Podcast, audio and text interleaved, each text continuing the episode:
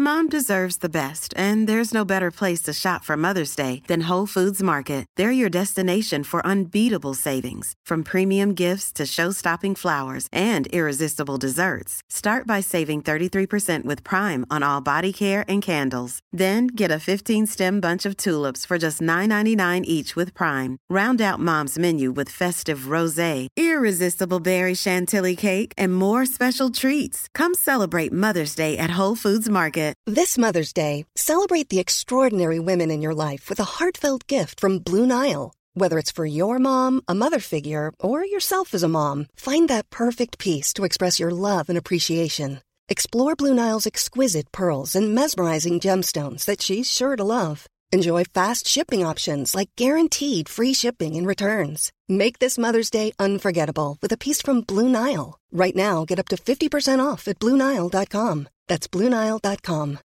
Millions of people have lost weight with personalized plans from Noom, like Evan, who can't stand salads and still lost 50 pounds. Salads, generally, for most people, are the easy button, right? For me, that wasn't an option. I never really was a salad guy. That's just not who I am. But Noom worked for me. Get your personalized plan today at Noom.com. Real Noom user compensated to provide their story. In four weeks, the typical Noom user can expect to lose one to two pounds per week. Individual results may vary. Välkomna till ett nytt avsnitt av Padel med proffset jag. Vi är denna veckan sponsrade av Hyper. Och jag vill slå en liten särskild lans nu för Hyper under fotbolls-VM. Det finns hundratals odds på varenda match. För er som är nya kunder så kan ni gå in och signa upp på eh, Hyper. Då har ni möjligheten att spela 1000 kronor eh, riskfritt. Det är alltså ultrabet där man får tillbaka sina pengar om man misslyckas med sitt spel. Det gäller på nya spelare och för er som är gamla spelare så in och spela på ett multispel. Till exempel jag spelade på fyra matcher. Jag spelade på fyra matcher och jag lyckades få rätt på samtliga fyra och då får man fina, fina odds och då behöver man inte spela för så mycket pengar. Jag vill påminna om att man måste spela ansvarsfullt. Man behöver vara 18 år och man kan besöka stödlinjen om man behöver. Men som sagt, spela för pengar som du har råd att förlora så blir fotbolls-VM väldigt, väldigt kul att eh, kolla på. Vi säger tack snälla Hyper och vi hoppar in med ett nytt avsnitt tillsammans med Simon Vasquez.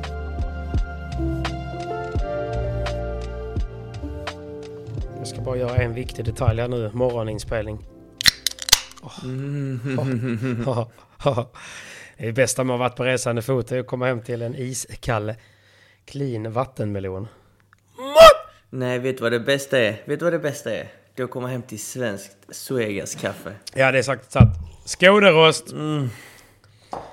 Skånerost Skånerost, kom in i flabben ja, på mig! Ja. ja, snälla. Ja, tack. Oh. Oh. Jag har druckit så dåligt kaffe. Eller Italien var bra, men Mexiko var hemskt. Och jag var i Mexiko i en vecka.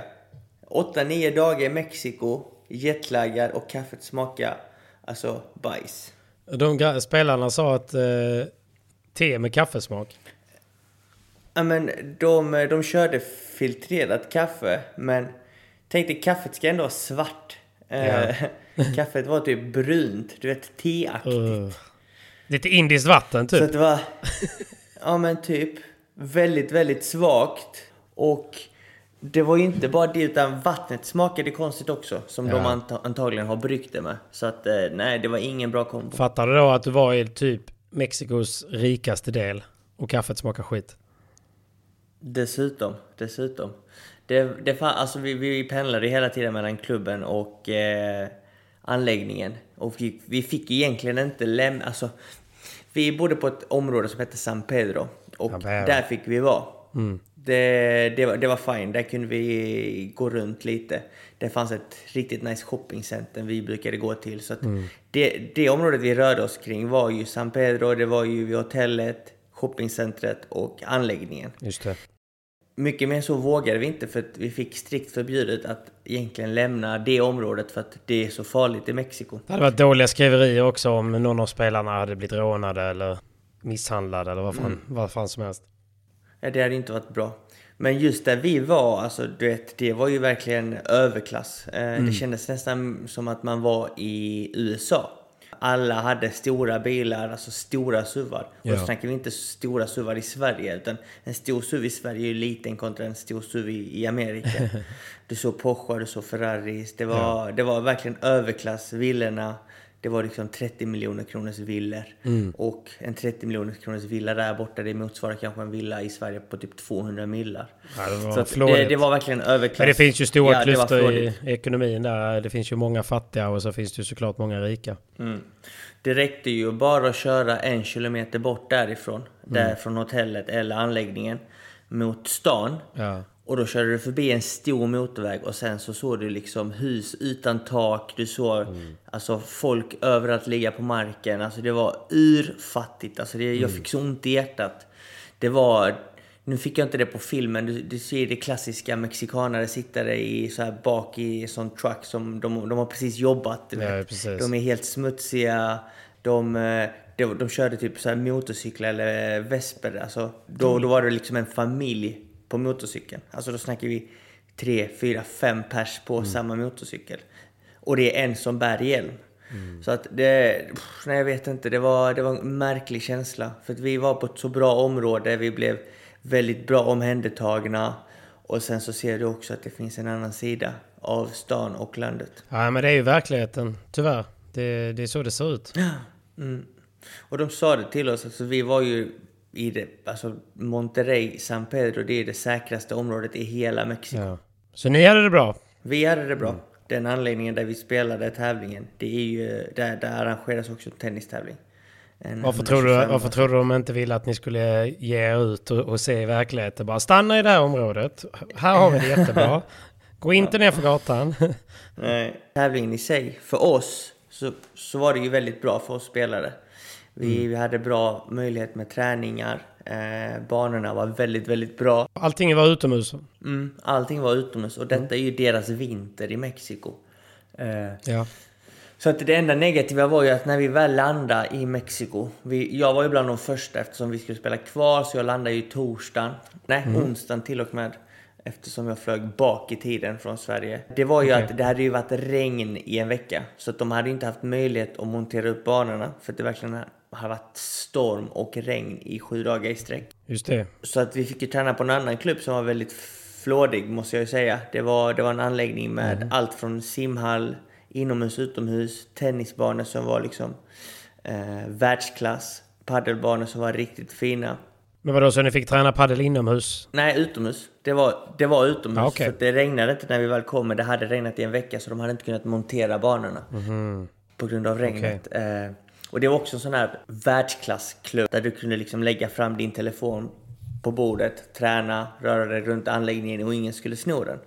Eh, Men eh, där tränade vi de första Dubai, Dubai-livet. Ja men typ. Där tränade vi de första två dagarna och det var nice. Det var bra. Eh, det var väldigt svårt att anpassa sig till höjden och klimatet. Man kände att det var annorlunda. Det, det var jobbigare. Dels för att man kom dit jetlaggad. Att det också var jobbigare att spela på hög höjd. Det, bollen var väldigt, väldigt lätt. Sjukt svårt att kontrollera. Vad är skillnaden på att spela på hög höjd då? För de som inte har upplevt det. Mm, alltså spelar du vid havsnivå så är bollen ganska tung. Då känns den lite som i Sverige, lite mer likt. Framförallt när du spelar utomhus så blir den ju tyngre och vad kan man säga? Eh, det blir fuktigare, värme eller kyla oavsett vad. Medan om du spelar på hög höjd inåt mot landet så blir det torrare, torrare luft, torrare kyla, torrare värme och bollen blir extremt lätt. Det, Ja. blir, det blir även jobbigare fysiskt. För när du väl är på hög, hög höjd så, så blir du utmattad mycket snabbare. Det är mycket jobbigare att träna och Okej. utföra fysisk aktivitet. Så att det blir ju dels jobbigare eh, fysiskt och mentalt att spela på hög höjd. Men också så blir bollen extremt lätt. Så när vi väl kom dit och första passet så kunde ju, det, känslan var ju att mina ben funkar inte och bollen flyger åt alla håll.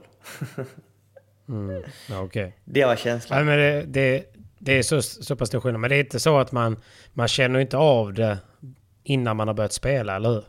Nej. Bara att man är på hög höjd. Nej, det gör man ju inte. Alltså när du börjar utföra fysisk aktivitet så märker du av det. Eh, alltså kör du fys så kommer du känna av det garanterat. Jag kände det direkt. Ja. Så att det är ju stor skillnad fysiskt eh, och paddelmässigt ännu mer eh, att spela på hög höjd. Och där krävs det ju liksom att du verkligen har hårda rack. Det krävs ju att du du måste anpassa svingen, du måste ändra ditt spel nästan helt och hållet. I vanliga fall, när du ska slå en volley eller slå en lobb, så följer du med med hela armen.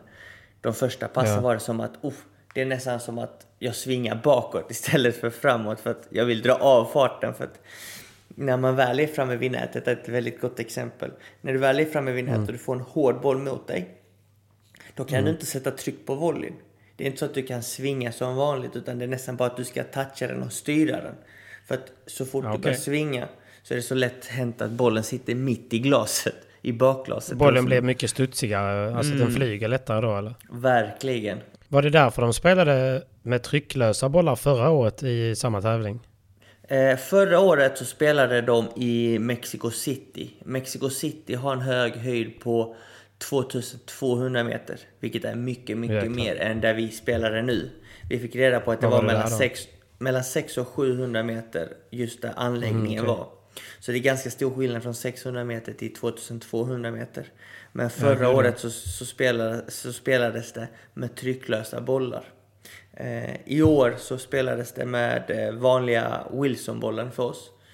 Eh, och, eh, Mm. Men det var en roligare tävling i år jämfört med förra året. För förra året så gick det ju så långsamt att folk hann ju stänga av tvvn och sätta igång den igen och så var det samma boll liksom. Ja, alltså det är viktigt att veta. Förra året var det ju VPT.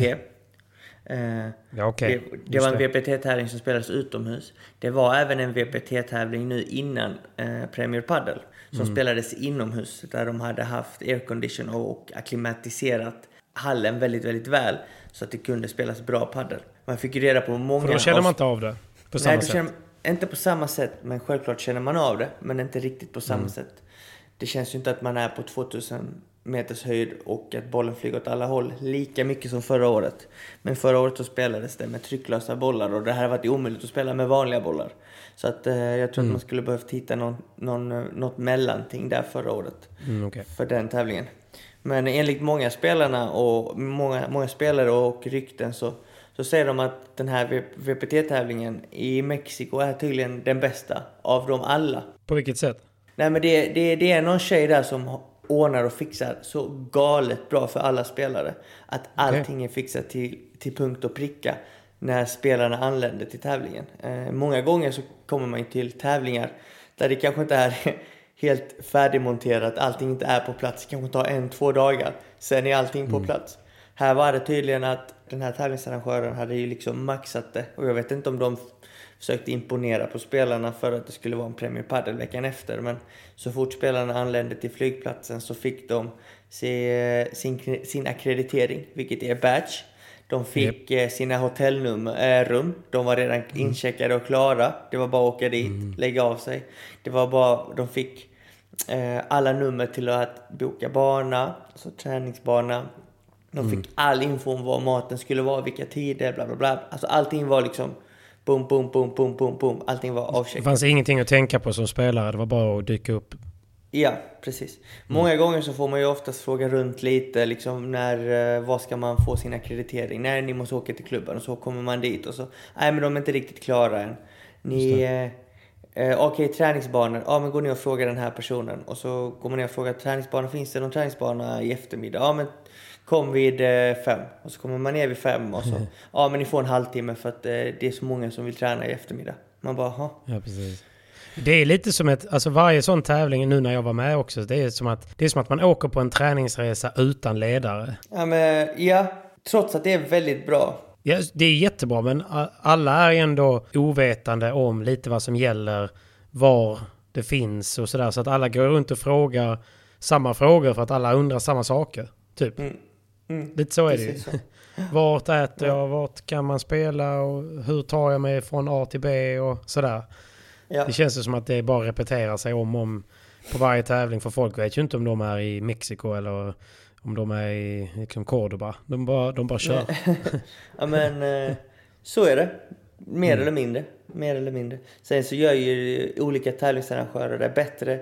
Och Ja, men det är det jag menar. Såklart. Så det var ju kul att det var så pass bra där då. Men, men det var förra året menar du? Nej, detta var i år. Alltså VPT-tävlingen veckan innan Premier Padel-tävlingen. Men överlag så var allting väldigt, väldigt bra. Maten var väldigt god. Vi fick ju tillgång till allt vi behövde. Gym, träningsbanor, skjuts hela tiden. Nice. Så att allting var ju 10 poäng. Det- Och tävlingen gick ju det- bra. Vi får, hoppa, vi får komma in i själva tävlingen. Ja, tävlingen gick ju bra. Om man utser från, eh, från, från... Nu är ju tävlingen avslutad. Men eh, det var jävla synd att de hade sån otur med vädret bara. Mm. Det blev ju mycket avbräck hela tiden i huvudtävlingen främst. Vi klarade oss hyfsat bra för när vi väl kom dit, vi skulle börja spela på lördagen. Eh, Men det blev ju framskjutet redan då, en hel dag. Det gick ju inte att spela på lördagen för att banorna var färdigmonterade. Och det kanske hjälpte er så ni fick lite mer träningstid också. Ja, och jetlagen hann lägga sig lite. Just det. Eh, De säger ju att en timmes skillnad, det tar ju en Mm. dag för kroppen att återhämta sig från. Men du vet vad jag säger Simon va? Det sitter bara i huvudet. Sitter bara i huvudet det där. Vilket är skitsnack. Och det är ju sju timmars skillnad till Mexiko, så man behövde ju en vecka nästan på sig för att eh, verkligen känna sig människa. Det är bara att gå och lägga sig. Det är Nej, bara att gå och nej, lägga nej, sig nej. en dag tidigare, gå upp och så bi- kör man. Det var verkligen så att första dagen, första dagen jag, jag landade i Mexiko så vaknade jag spik. Alltså jag, jag vaknade klockan tre på natten och var klarvaken. Alltså jag var jättepigg. Och jag kände bara, nej det här är inte sant. Dagen efter så vaknade jag fyra. Typ 4.15 för att vara exakt, jag minns det här så väl. 4.15, jag bara det här är helt sjukt. Det, verkligen, det stämmer verkligen att en timme är ju en dags skillnad. Och detta var Andreas som sa det till mig. Men det är för att du tror på det också ju. Nej, och sen så gick det en dag till, så vaknade jag 5.30. Jag bara, det här är sjukt. Och det varje gång vi vaknade, alla gjorde ju samma sak. Man kan inte ligga där i sängen och bara scrolla på telefonen så att alla gick ner till gymmet typ, och körde rörlighet eller körde lite fys. Och det var så kul för att man, man träffade ju på folket på gymmet 4-5 på morgonen, vilket aldrig skulle hända så, eh, vanligtvis. Eh, Och alla var ju sönderjetlaggade.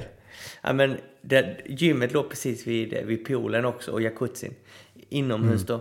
Så att vissa, vi, Nice. vissa gick ju till gymmet och körde lite rörlighet, vissa låg i- jacuzzin och du vet, så här, ingen kunde sova. Så att det, det var lite komiskt. Det, det var faktiskt rätt jobbigt att anpassa sig just på grund av jetlagen. Det kände jag också när jag kom Men det, till ju, Milano. det var ju bra att det fanns eh, gym. Så ni kunde göra någonting bra av tiden. Mm. Precis. Eh, hotellet var ju 10 poäng, vi bodde på Hilton. Eh, så att, det, var, det var superbra. Det går bra nu. Inga konstigheter. Men vad var det vi snackade om? Vad skulle jag komma fram till? Jo, men vi pratade om tävlingen. Ni, det blev framskjutet en dag och sen så skulle ni hoppa in i kvalet, eller hur? Precis. Sen hoppade vi in i kvalet och vi mötte två chilenare, komiskt nog. Ehm, Två landsmän. Los Cris kallas de för att båda heter Cristobal. Mm. Och de hade tydligen gjort ett väldigt bra VM. De, hade, de hade åstadkommit en, en tresetare mot Pablo Lima och någon annan brasse. Mm. Eh, när Chile mötte Brasilien. Så att eh, vi fick liksom... Så de hade confidence. Ja, vi tänkte, ja men de här har vi säkert. Ja. liksom, vi, vi visste inte så Två mycket chilenare, hur bra kan de vara? Ja, eller hur? Jävla chilenare. Träffade jag Javi Valdez som är Chiles bästa spelare. Som jag... eh, Även en foreign-kompis. Och Även en foreign-kompis. Och då sa han och, och nämnde detta för mig att alltså, de spelar inte så dåligt just nu om jag ska vara ärlig. De, de lyckades eh, ta ett set från Lima och eh, har spelat väldigt bra på sistone. Du bara, Och då what? tänkte vi bara fuck. Och då kände vi bara, ja jag och Nacho hade ju liksom, vi kände oss fortfarande jetlaggade, vi hade inte kommit in i spelet eh, och känslan för Mexiko. Eh, det var ju väldigt annorlunda. Så man hade ingen confidence. Alltså eh, första dagen efter första träningspasset så tänkte jag, vad fan har jag gjort? Vad fan gör jag här? Ja, Jag var borde bara vara hemma ju. Ja, det var så illa. Känslan är så dålig alltså när man spelar för att man får... Ja, Det är så flygigt och man har sämre timing och man blir snabbare trött och så liksom. Så det känns sämre bara eller? alltså allting känns mycket sämre. Mm. Alltså du känner dig helt totalt inkompetent. Ja, okej. Alltså jag kände mig inkompetent. Jag tänkte, alltså vad är jag för jävla sopa som jag är här? Men, men tillbaka till kvalet. Jag vill bara påminna folk också om att kvalet i... För det här är ju en Premier Padel vi pratar nu. Och där är kvalet färre matcher, eller hur? Ja, precis. Där är det färre matcher. Detta beror ju på att huvudtävlingen är större. Det är fler par som kommer in. Detta var ju en Premier Padel Major, vilket Major. innebär att det är... Man kan säga att det är en Masters. Det Premier Padel gör, det är att de, de ko- kopierar lite från tennisen. Tennisen har ju Grand Slams, alltså fyra Grand Slams om året. Ja. Där det kommer in 128 spelare per tävling. Ja. Okej? Och det är en ganska stor lottning. Och en Grand Slam i tennis spelas under två veckor. Riktigt så stor är ju inte denna. För då skulle det innebära att det skulle komma in 240 spelare typ ish. Ja, det är dubbla, Eh, det är men dubbla nu- liksom. Mm. Det är dubbla ja. Nu kommer det in 44 par. Nej, 40 par i huvudtävlingen. 40 par, vilket Ja. innebär topp 80. Och sedan så kommer det in, eh, så är kvalet mycket, mycket mindre. I VPT till exempel så finns det Pri-Previa och Previa. Ja. Huvudtävlingen så är det ju 22 spelare som kommer in i. 22 spelare plus 8 som kvalar in. 4 som kvalar in, förlåt. Eh, och då är ju kvalen gigantiska. Här blir det ju att huvudtävlingen är eh, ja, stor, men inte överdrivet stor. Nej. Och det är 40 par och sen är det 8 stycken som kvalar. Men det är många som slipper kvala helt enkelt. Det, ja, samtidigt som att det är mycket färre spelare som, som får chansen att kvala. Så det är många som blir utanför. Just det. är många spelare som kanske är rankade 150, 160, 170, 180. De kommer inte in i tävlingen. Nej. Eh, så du måste ha bra ranking för att komma in Poängmässigt i kvalet. måste man ha... Där, just det, ja, just. Så det finns inget, det finns inget så här förkval till kvalet som det finns på VPT där Nej. det inte spelar någon roll om du har lite Nej. eller mycket poäng. Okej, då är jag med. Nej, nej. Så att eh, det är tuffare på, på, på det sättet. Du kan få tuffare matcher direkt från början än Ja. vad man kan få kanske på en pre-previa i VPT. Om man säger det så. Så att eh, huvudtävlingen är större. Och det är skillnaden. Och därför blir det bara två, två, två matcher för att kvala in. För att det är också att de vill ju inte heller... De tycker att Premier Padel har ju gått ihop med FIP. Då menar de på att, okej, har du inte poäng nog för att spela denna Premier Padel Major så får du ju spela någon FIP-tävling någon annanstans, kanske en FIP Rise eller FIP Star. Så får du jaga upp dina poäng för att komma in i de här i det. den här stora scenen. Vilket jag gillar. Och detta gillar jag ju för att det finns ju tre miljoner FIP-tävlingar om året. Det finns ju FIP-tävlingar över hela världen konstant. Och då blir det lite mer, kan man säga, baserat från tennisen. Det är att liksom, ska du komma in på finrummen eller eh, du göra stora jobbet. tävlingarna, då gäller det gör, då behöver du poängen. Och plus att man vill inte ha några turister i, eh, i en major. Men det handlar inte bara om det tycker jag, för det handlar om att, okej låt oss säga att typ tennisen. Eh, Mm. Det finns en tävling, en stor tävling i New York, det finns en annan tävling i Mexiko och en tredje i kanske Österrike. Ja. Och då får ju spelarna sälja, okej, mm, det, det finns mest pengar i USA, den stora tävlingen där. Då kommer det många bra spelare åka dit. Sen kommer Mexiko, Oh, jag vill inte vara jetlaggad bara för att spela en tävling. Jag stannar faktiskt här i Österrike. Och så kommer det kanske inte lika många hit. Eller det kommer, det kommer skalas av i alla fall. Vilket jag tror gynnas, gynnar sporten och gynnar spelarna. Och hur tänker jag nu? Jo, jag tänker att okay, spelarna kan välja sin tour. De kan välja sina resor, vilka tävlingar de spelar och inte. Och då kan man ju anpassa sig att okej, jag vill spela mer inomhustävlingar eller jag vill spela mer utomhustävlingar. Och sen så befolkningen där, där tävlingen spelas, alltså tävlingsarrangören kan ju satsa mer på locals. Fler namn kommer fram på kartan. Det är inte alltid samma vinnare. För jag kan ju tycka typ så här, kollar jag på VPT så är det kanske lite tråkigt ibland när det är samma par som är i semifinal, final, semifinal, final, Men det är ju semifinal, därför final. det är roligt när de byter partner. För att då blir det helt plötsligt nya matcher varje säsong. Precis. Och det är så sjukt många huvudtävlingsspelare som folk inte får se. Alltså första rundan sänds ju inte någonstans. Nej, precis. Eh, det är där det är kul att kolla ju. Ja men precis, och det är, det är många unga talanger. Du vet, vad har eh, typ Arroyo eller Ramirez och de här unga talangerna, de får inte typ det svenska folket se. Nej. Men om, om, om det går två tävlingar samtidigt och de kanske går långt i den ena, då får man ju upp ögonen för dem och så kan man se deras matcher. Och det blir bra marknadsföring för de, deras del. De går även långt i en tävling, får confidence för att de vinner matcher. Och det blir en helt annan grej för det blir sån... eh, Det blir ju tävling på ett annat sätt inom spelarna också för att då måste man ju jaga poäng på ett annat Precis, sätt. precis. Samtidigt som att det inte är lika stressigt att man alltid spelar samma tävlingar. Alla spelar alltid. För det blir att du spelar mot samma spelare om och om och om igen. Jag vet inte om ni minns, men i våras så spelade jag med Adrian Blanco och vi fick ju möta ett sjukt tufft par. Juan-Lu Espi och Barahona, tre tävlingar i rad. I rad ja. Men det var menar- också otur med lottningen. Jo, men vadå, det är många som åker på den Ja, lottningen alltså det också. kan ju att hända de får möta ett och samma. Det- Det händer ju ofta. Det är inte så att det kan hända, det händer ofta. Och då är det inte så, okej, men vad fan, varför ska jag åka till Österrike och möta dem där, sen Danmark igen och sen Spanien? Alltså vad fan, ska jag möta dem överallt eller? Så att det, på, på så sätt så är det ju roligare. Och det kan slakta motivationen också att åka från... För man lägger rätt mycket pengar som spelare att ta sig från en tävling till en annan tävling. Och så får Mm. man då samma motstånd igen. Kanske i en första match. Mm. Och så ryker man på den. Och så ska man ta sig till nästa tävling och så får man samma motstånd igen. Så tänker man en tredje gång, okej det här får vara sista. Så får man samma motstånd igen. Ja men du vet, det kan... Nästa Mm. gång skiter man kanske i det. Ja, och sen så blir det ju färre skrällar också om alla spelar alltid samma tävlingar hela tiden. Så blir lottningarna annorlunda och spelarna får lite confidence och får möta lite olika spelare. Det kommer bli ske fler skrällar, det kommer komma fram fler par och det blir roligare matcher att kolla på för det blir inte samma sak om och om och om igen. Just det. Så att på så sätt är Premier Padel uppbyggt. Så att tillbaka till det. Tillbaka till fyra majors innebär det är motsvarande fyra Grand Slams i tennis. Ja. Det är de fyra största tävlingarna. Och i år så hade vi första majorn var i Qatar. Ja. Andra majorn var i Italien, Mm. Rom. Tredje majorn var Paris. Och detta var då fjärde och sista, eh, Mexiko. Mest deg också. Men det, det innebär störst tävlingar, mest deg, mest rankingpoäng. Och det, det kan man ju se för att jag vet inte om ni minns men i början av augusti tror jag det var, eller ja, början av augusti så fanns det en, en Premier Padel i Argentina, Mendoza, och det var ju bara en P1. P1 är ju en lägre kategori av Premier Padel-tävlingarna. Det är ingen major utan snäppet under. Okej. Det innebär mindre pengar eh, och mindre poäng. Och då är det inte riktigt värt att resa kanske halva jorden runt för att spela en sådan tävling. Hade till exempel Mexiko varit en, eh, en P1 så hade jag ju aldrig åkt dit. För det är hälften så mycket rankingpoäng, hälften så mycket pengar och det är en extremt lång resa och det är färre som kommer in. Ja. Eh, Så det blir en pengafråga Men till nu slut. när det var, inte bara pengafrågan men också om det är värt det. För att även om jag kvalar in i tävlingen så är det mycket mindre poäng. Så då är det inte värt det kanske. Nej. Nej, det är poängen alla krigar om. Precis som i Sverige.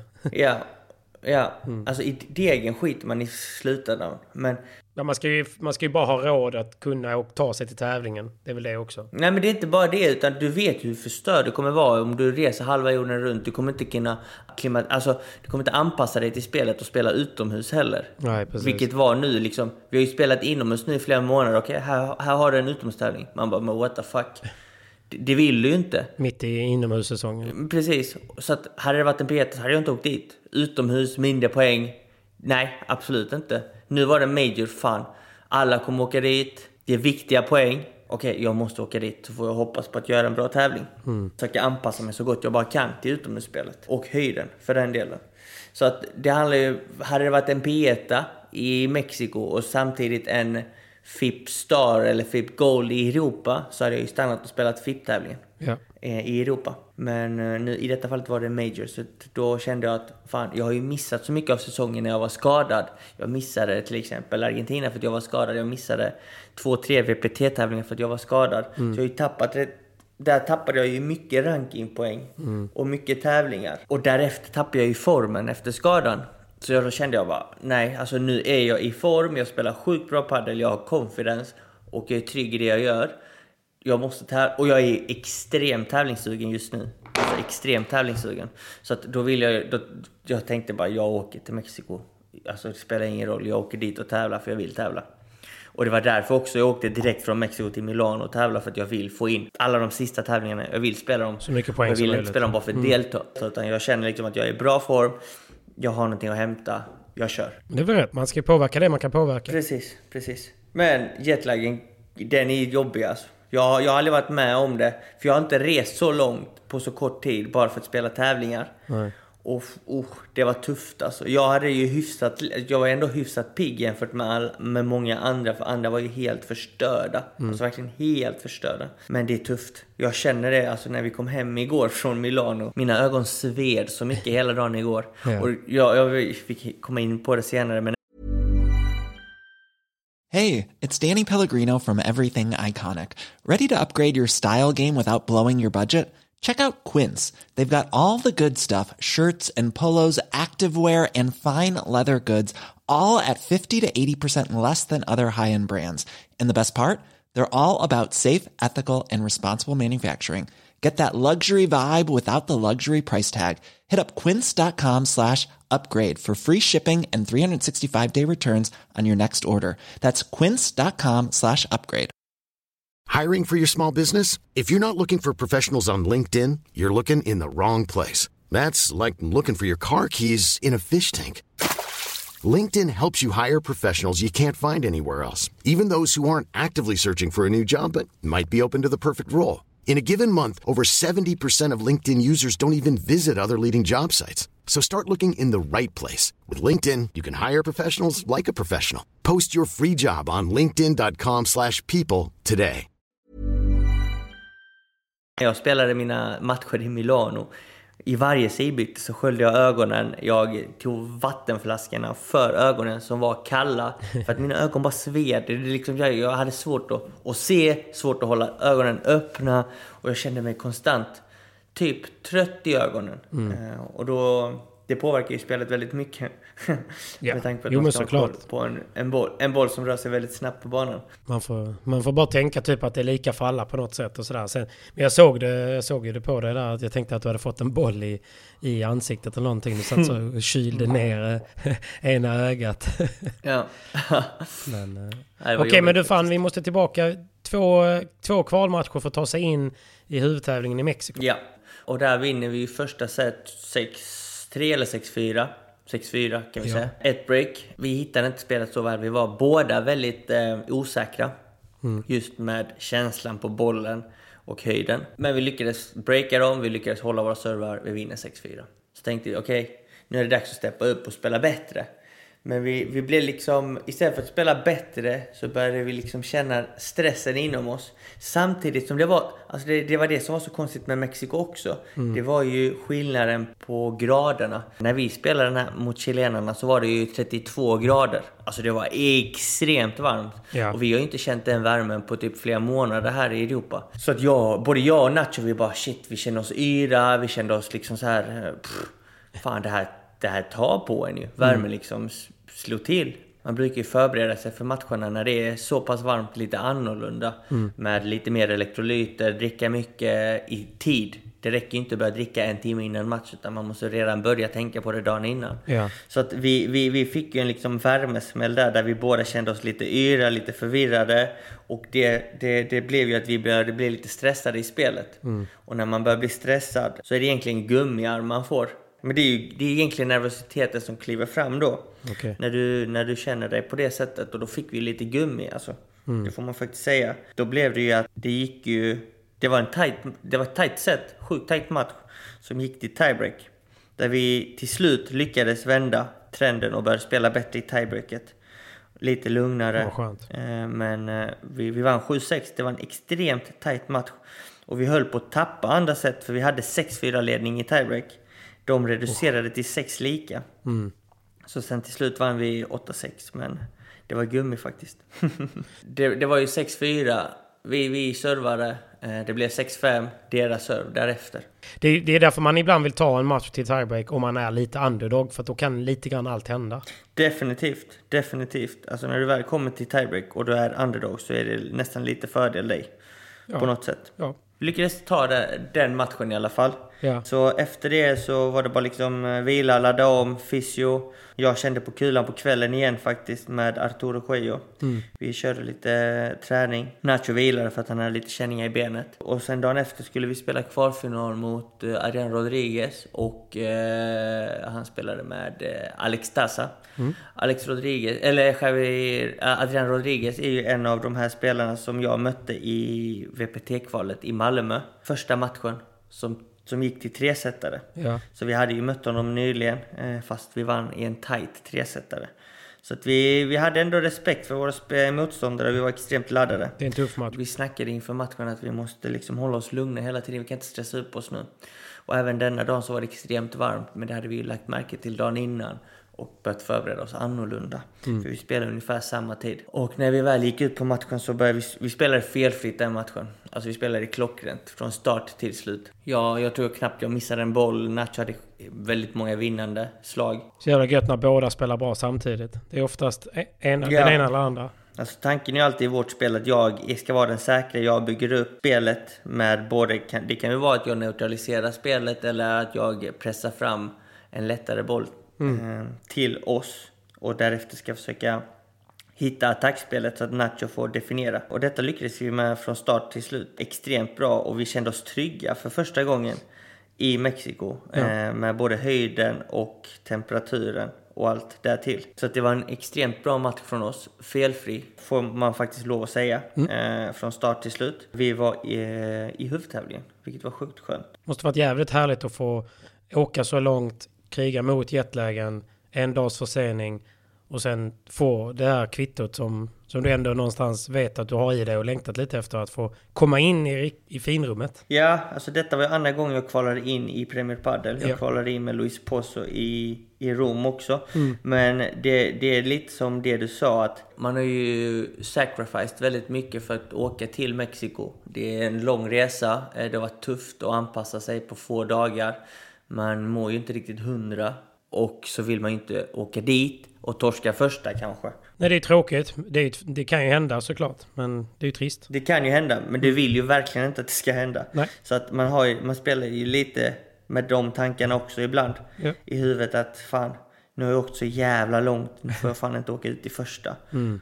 Och så börjar man spela dåligt och man börjar bli stressad och det kommer sådana tankar. Eh, vilket är normalt, men man måste liksom försöka bearbeta bort det ja. på något sätt i stundens hetta, vilket också är extremt svårt. Men det var ju sån lättnad när vi väl kvalade in att ah, Fan vad gött. Nu spelar vi faktiskt, nu har vi kvalat in, men nu har vi inte bara kvalat in, vi spelar faktiskt jävligt bra. Det, det, det var det som var extremt skönt efter den matchen tycker mm. jag, att vi verkligen spelade bra utomhus på hög höjd. Så vi, vi var glada. Vi var jävligt glada efter den segern. Sen hoppades få få en bra lottning sen i huvudtävlingen för det fanns lite luckor eftersom lottningen är lite större, alltså huvudtävlingen är lite större, så fanns det möjlighet att kvalare skulle möta kvalare, vilket vi hoppades på. Mm. Man kunde även möta ett WC-lag från Mexiko som inte är så jättevast.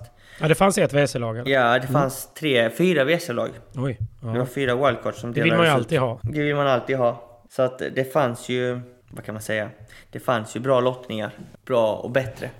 Mm. Eh, men vi fick ju möta Lucas Campagnolo och John Sanz. Ja. Som, ja, det var ju som är riktigt oflyt att få dem. Både oflyt men också väldigt kul. Alltså det är ett tufft par. Det var en bra värdemätare ja. att få möta dem för att vi hade... Hade vi spelat dåligt och få, alltså spelar du inte riktigt, riktigt, riktigt bra mot det här paret så får du ju 1-1 eller 2-1 i, i röven. I rumpan liksom. Mm. och, och det är tufft för att du vet att den här matchen sänds ju.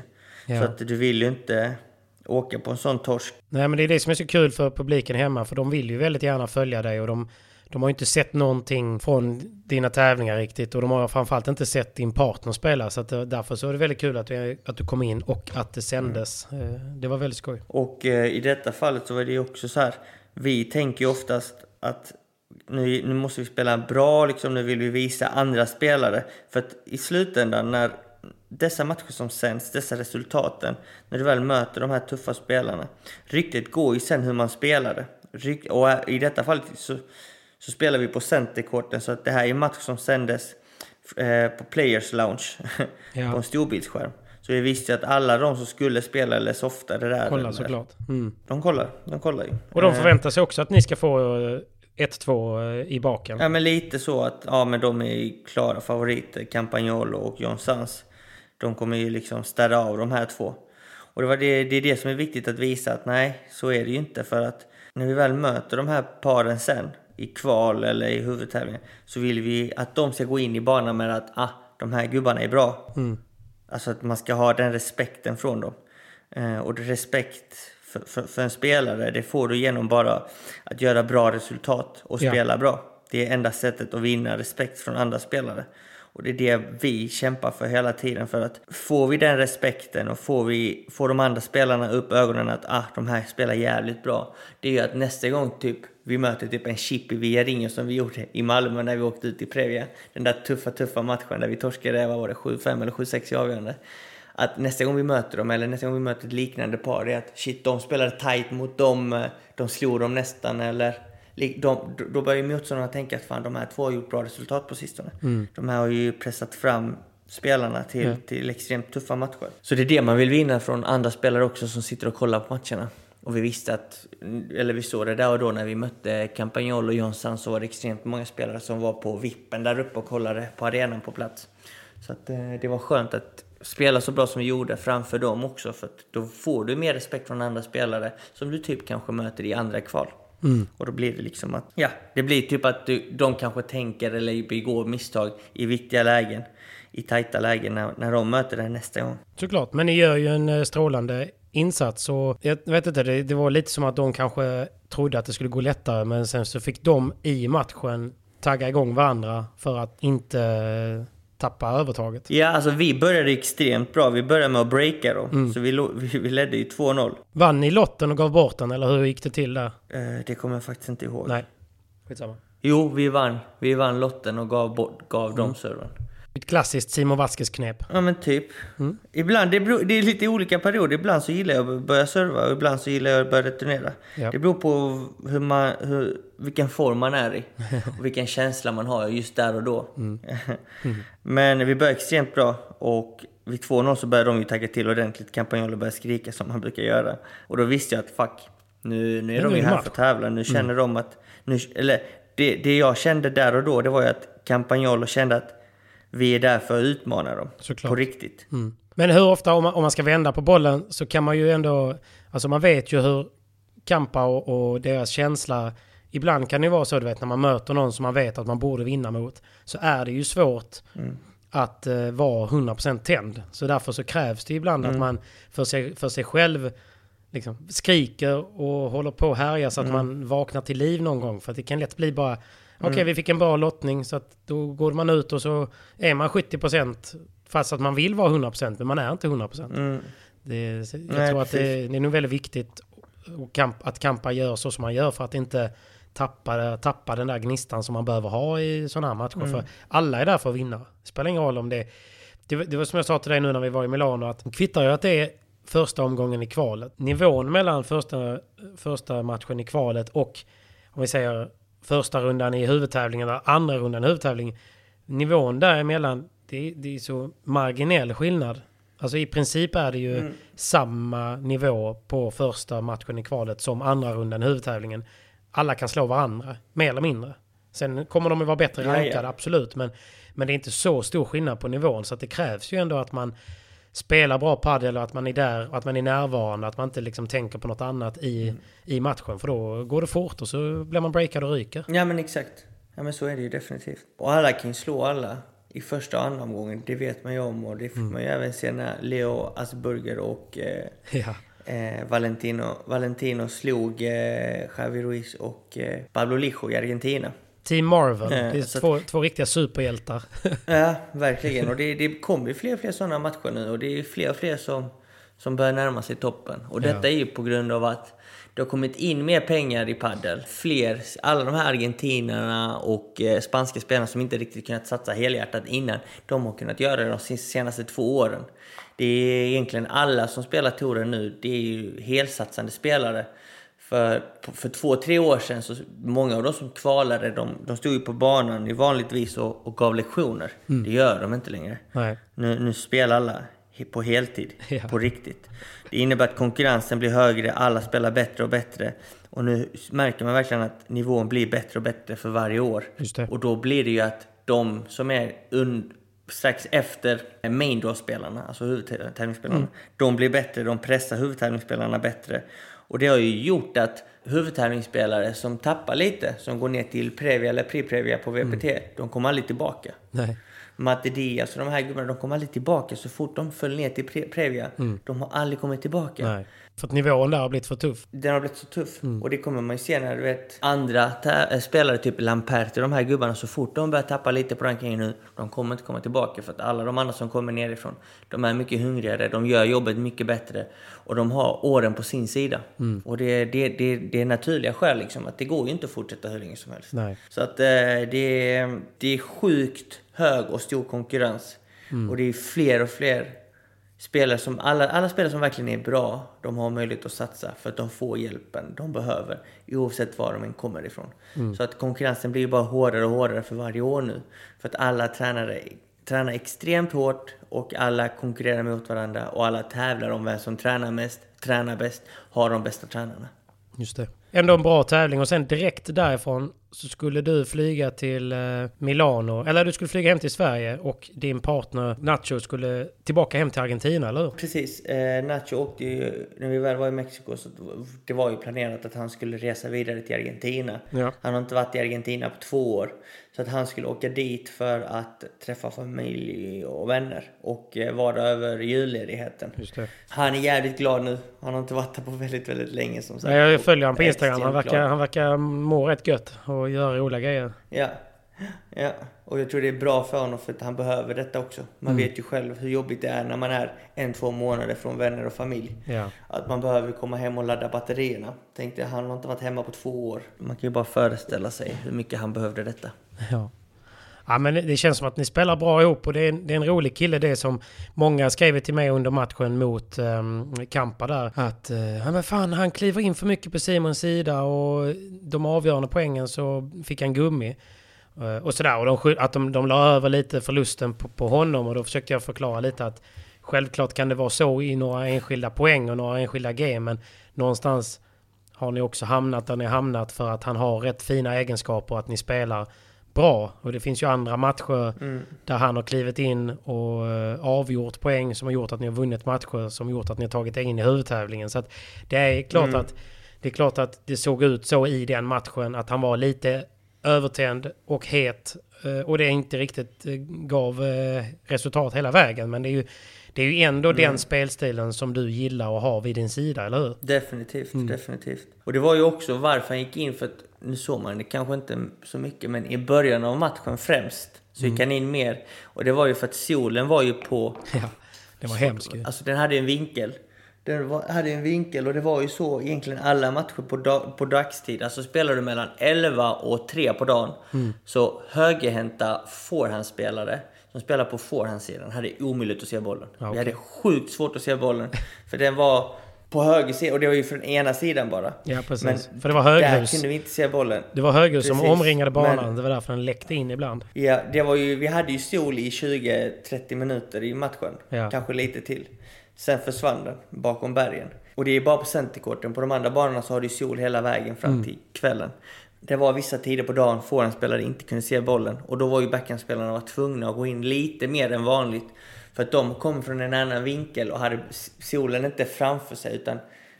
Eller de hade den framför sig fast när de väl träffar bollen så är bollen på, på en annan... På en annans, vid sidan av sig kan man säga. De söker och hittar bollen på ett annat sätt. Och då hade de lättare att se den. För så fort vi kollade upp och, hade, och skulle slå en bandeja eller vibora, bollen var i solen och hade vi tur så, så kunde vi slå den. Men därefter var vi bländade och kunde inte se bollen resten av bollen. Ja, det var svårt. blev liksom, ja, extremt svårt. Så att eh, tanken var ju liksom att han skulle kliva in lite mer för att jag inte ser bollen. Och, och från andra sidan neutralisera det lite mer. Så att han gick ju in väldigt mycket mer i början av matchen. Just på grund av detta, från ena sidan. Vad, var, vad sa Kampa efter matchen till dig då? Nej, alltså vi hade så mycket lägen. Alltså vi torskade första set 6-3. Andra set så ledde vi 4-3. Eh, Kampa servade. Och vi hade 15-40. Vi hade två breakbollar där. Eh, Tre till och med? Nej, två. För I Premier Padel är det, fördel. förlåt, förlåt. Två breakbollar. Två breakbollar. Ingen golden där. Nej, inga golden där nej. Eh, Och eh, vi hade ju ett väldigt bra läge där de Campagnolo slår en hög, hög lobb som Nacho... Som jag trodde att han skulle smälla till direkt för att eftersom bollen flyger så mycket så räcker det att tajma den så får du tillbaka den på höjden. Men eh, han fick lite gummi där, han blev lite osäker för den var väldigt hög. Vilket också är svårtajmat. Men han lät den studsa och då sprang Campagnolo fram. Eh, och då tänkte han Att att okej, gå jag lägger den i mitten lös så att den passerar dem. Men så gick ju Kampa in i mitten helt och hållet. Han chansade lite. Han läste det fint och faktiskt. fick undan bollen. Ja, han läste det fint. Så att där hade vi ju ett läge att breaka dem, ha 5-3 och egen serve.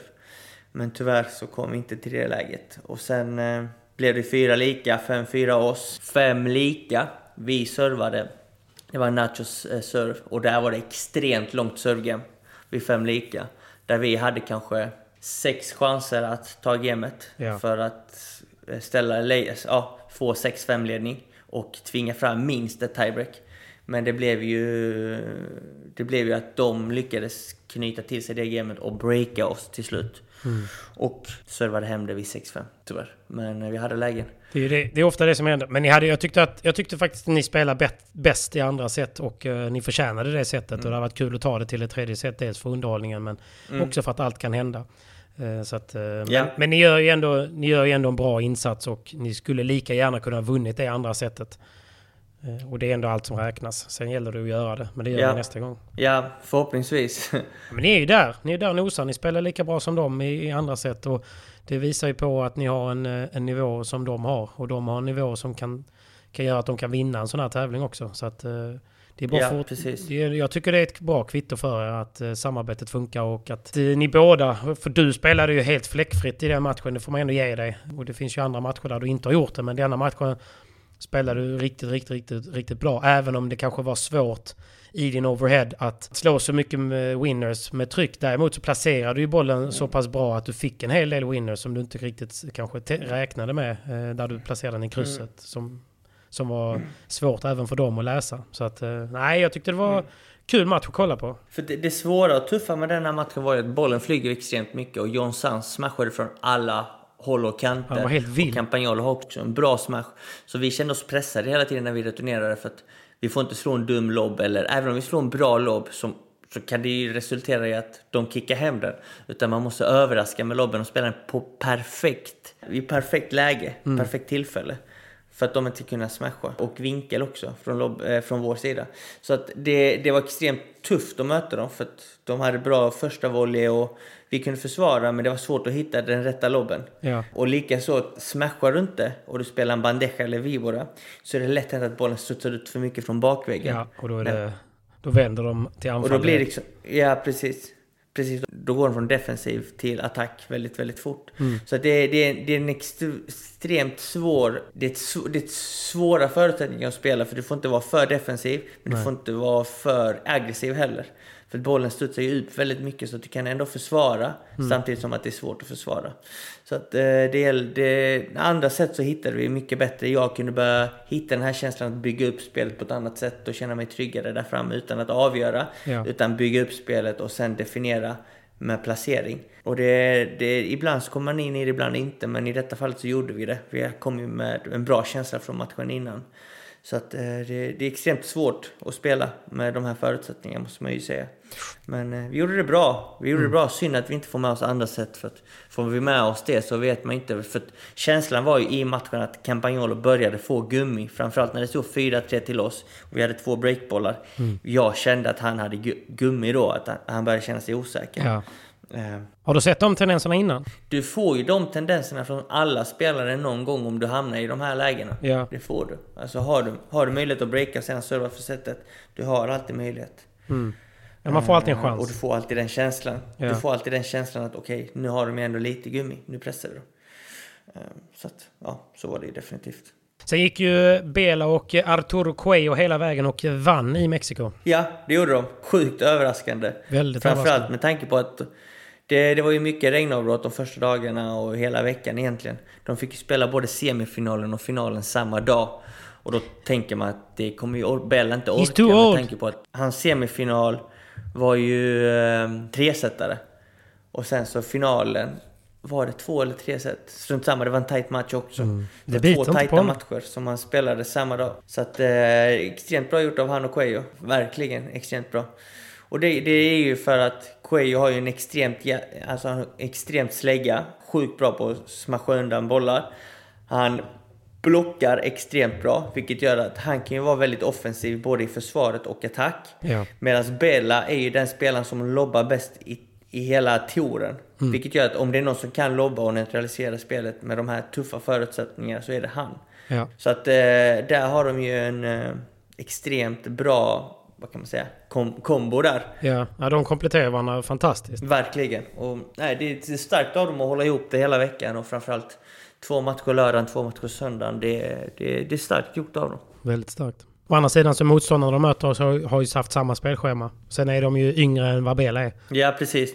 Ja, det är imponerande. Det, det är de verkligen. Det är de verkligen. Nej, men grymt. Men grattis till en fin insats. Och sen eh, Milano följde ju på målsnöret eh, i eh, kvalfinalen mot ett lag de mött tidigare. Precis. Inomhus. Eh, det är ett lag jag, tors jag torskat mot dem två gånger tidigare innan denna tävlingen. Så det är ett lag som jag måste verkligen slå snart innan jag liksom blir galen. Eh. Men eh, de fick med sig allting. Jag och Luis. Alltså jag, Luis är en bra spelare. Han mm. är väldigt offensiv, men när banan är för långsam så, så tar han många felbeslut. Ja. Och han blir alldeles för stressad. De, de banorna vi spelade på i Milano var väldigt, väldigt långsamma. Eh, ja. Det var dels kallt, vi spelade i en Skitkallt. luftbubbla. Ja, det var ett tält. Och det var lång, lång, lång, lång, lång, långsamma banor. Vilket passade mig perfekt, för nu när jag kom från Mexiko så känner jag mig extremt snabb och effektiv och så här. Allting kändes som att det gick lite i slow motion nästan. Men trots jetlagen. Men eh, för, det blev ju att han tog många felbeslut och det blir att han, han avgör bollar, men han ger bort också mycket bollar som ja. de andra kunde kontra på. De andra kunde liksom... Ja. Vi hade ju flertal breakbollar och då kom det ju kanske allt från enkla returmissar från min partner till eh, kanske felbeslut i slutändan när han gick före vid fel läge. Ja, precis. Nej, jag tror han hade säkert sex eller sju eh, servertursmissar eh, vad jag räknade mm. till. I, I många viktiga ja, lägen. Precis. Framförallt när de servade T på honom så var han liksom inte riktigt med. Mm. Nej, ehm, precis. Men det var som du säger, det var väldigt långsamma förhållanden och han ville gärna spela platt och hårt. Uh, kanske inte ha den här mjuka mm. vibran nere i hörnet, bygga upp spelet, utan han ville gärna avsluta bollen där det inte riktigt gick att avsluta bollen i de här förutsättningarna. Så det var lite mm. synd, men det var också en liten chansning att spela med honom kanske. Uh, inte den... Jag skulle säga att han är, ju han är inte så stark som, uh, som Nacho uh, som du brukar spela med. Så att, nej, nej. Det verkligen inte. Ja, och jag visste ju att fan, Nacho i Argentina, nu måste jag hitta någon partner och alla partners är egentligen låsta med sina reguljära, alltså fasta mm. partners egentligen. Så det är svårt att hitta någon och det är svårt att splitta ett par för en, för en tävling bara. Precis. Så man får ju ta lite det som finns. Så, att, eh, så det. Det var ändå skönt att vinna första matchen. Eh, synd eh, med andra. Men ja. Det är så här, vi hade faktiskt jävla otur också. Det kunde man ju se på matchbollen du ut på story. Att de, de fick ju verkligen med sig alla ja, de, de här jävla bollarna allt. hela tiden. Mm. Så, att, så är det. Vissa matcher är det bara så. Det är mm. bara att släppa. Verkligen. Du, jag vet att du måste springa gubben. Ja. Du har, du har uh, andra grejer. Men däremot så ska vi spela in en podd till där vi pratar lite om vad som händer nu. Säsongen är över. En liten highlight reel från bästa och sämsta ögonblicken och vad som händer uh, nu under försäsongen. För det är vi nyfikna på. Det finns mycket mer att snacka om. Men nu ska jag faktiskt in på ett möte med Spelarassociationen. Där vi ska... För vi, nu blir vi pressade från VPT att vi måste signa senast den 11 december eh, med okay. dem. Och gör vi inte det så får vi inte lov att spela VPT nästa år. Så nu har vi ett viktigt möte med advokaten, jag och Windahl faktiskt. Där vi ska... In och ta det mötet. In och ta mm. det mötet och eh, berätta hur det gick sen så, så hörs vi i en ny podd så snart vi kan. Tack för att ni eh, lyssnar och eh, tack för att ni står ut med att den, den kommer när den kommer. Och det har lite med Simons spelschema att göra. ja, precis. Det är alltid mitt fel. Men tack för att ni lyssnar och så hörs vi snart igen. Okej. Okay. Lycka till! Grazie! Vi hörs! Arrivederci! Flexibility is great. That's why there's yoga. Flexibility for your insurance coverage is great too. That's why there's United Healthcare Insurance Plans. Underwritten by Golden Rule Insurance Company, United Healthcare Insurance Plans offer flexible, budget friendly coverage for medical, vision, dental, and more. One of these plans may be right for you if you're, say, between jobs, coming off your parents' plan, turning a side hustle into a full hustle, or even missed open enrollment. Want more flexibility? Find out more about United Healthcare Insurance Plans at uh1.com. Planning for your next trip? Elevate your travel style with Quince. Quince has all the jet setting essentials you'll want for your next getaway, like European linen, premium luggage options, buttery soft Italian leather bags, and so much more. And is all priced at 50 to 80% less than similar brands. Plus, Quince only works with factories that use safe and ethical manufacturing practices. Pack your bags with high-quality essentials you'll be wearing for vacations to come with Quince. Go to quince.com/pack for free shipping and 365-day returns. Imagine the softest sheets you've ever felt. Now imagine them getting even softer over time That's what you'll feel with Bowl and Branch's organic cotton sheets. In a recent customer survey, 96% replied that Bowl and Branch sheets get softer with every wash. Start getting your best night's sleep in these sheets that get softer and softer for years to come. Try their sheets with a 30-night guarantee. Plus, get 15% off your first order at bowlandbranch.com. Code BUTTERY. Exclusions apply. See site for details.